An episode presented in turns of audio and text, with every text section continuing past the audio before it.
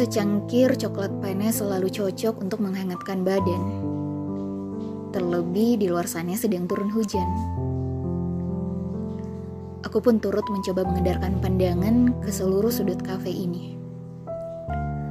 Oke, semua meja terisi kecuali meja yang ada di sudut yang bersisian langsung dengan jendela.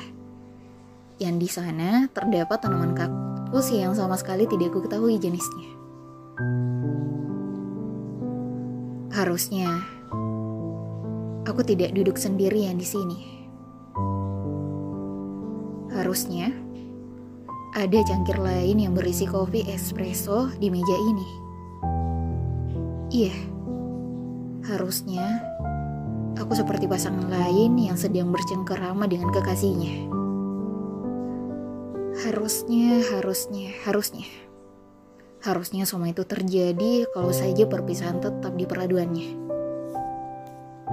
Aku menyesap coklat panas yang temperaturnya sudah bisa diterima lidahku. Aku bisa merasakan itu setelah menangkup cangkir di hadapanku ini. Rasa coklat selalu saja membuatku jatuh cinta. Mataku lagi-lagi mengamati sekitar. Ya, karena hanya seorang diri, kegiatan apa lagi yang bisa dilakukan ketika berada di keramaian selain mengamati? Dan kali ini, pandanganku terpaku pada sepasang yang berdiri di halte bus yang ada di seberang jalan. Ketika menatap keluar jendela yang kacanya terdapat percik-percik air hujan, mereka tampak sangat serasi dan membuat iri. Ketika si cewek menoel pipi pasangannya yang sepertinya sedang cemberut. Aku hanya tersenyum. Tersenyum getir.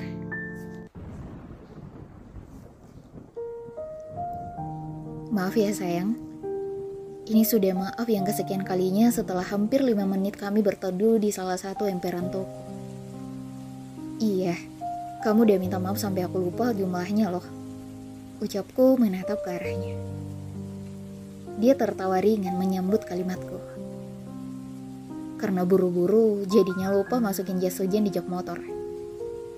Iya, gak apa-apa kok. Kataku sembari tersenyum, menunjukkan bahwa baik-baik saja dengan keadaan ini. Dia tersenyum. Mana tangan kamu? Tangan? Tanyaku bingung. Gini. Dia mengarahkan telapak tangannya padaku. Aku tentu saja masih bingung benar-benar tidak mengerti maksudnya. Tapi karena melirik matanya mengisyaratkan aku untuk mengikutinya, akhirnya dengan sedikit keraguan, aku mengikuti posisi tangannya menengadah dengan ruas-ruas jari yang terbuka. Tanpa baba, dia mengisi ruas-ruas jari yang kosong itu. Biar kamu hangat, katanya sembari menurunkan genggaman tangan kami. Ralat, dia menggenggam tanganku. Lepas. Ucapku tertahan. Dia hanya tersenyum mengejek. Dasar. Malu tahu. Ucapku dengan nada suara yang sengaja kuda rendahkan. Tak lupa melirik ke arah kananku, yang mana ada seorang tukang ojek online yang juga berteduh dan berdiri di sebelah kanan kekasihku. Dia hanya berkata santai, Gak apa-apa, kamu kan pacar aku. Aku menggeleng cepat, bukan tidak setuju dengan ucapannya, tapi tidak setuju dengan sikapnya. Pacar saya kok mas, dia berkata sambil mengangkat genggaman kami. Tidak, tidak, masih dia menggenggam tangan aku. Aku menatapnya tajam, sedang dia menatap jaya ke arahku. Lambat laun, ketika hujan semakin deras, jari jemariku yang tadinya enggan untuk menggenggam tangannya, akhirnya itu bergabung dalam genggaman.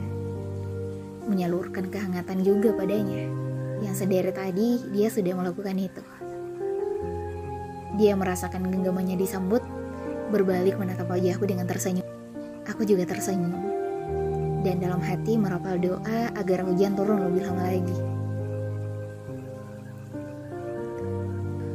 Sekelebat bayangan masa lalu tadi tiba-tiba saja menghantam pikiranku. Memaksa aku kembali mengingat kenangan bersama orang yang meminta untuk dilepaskan. Aku tentu saja setuju. Melepaskannya adalah jalan terbaik karena menahan orang yang ingin pergi akan lebih menyiksa.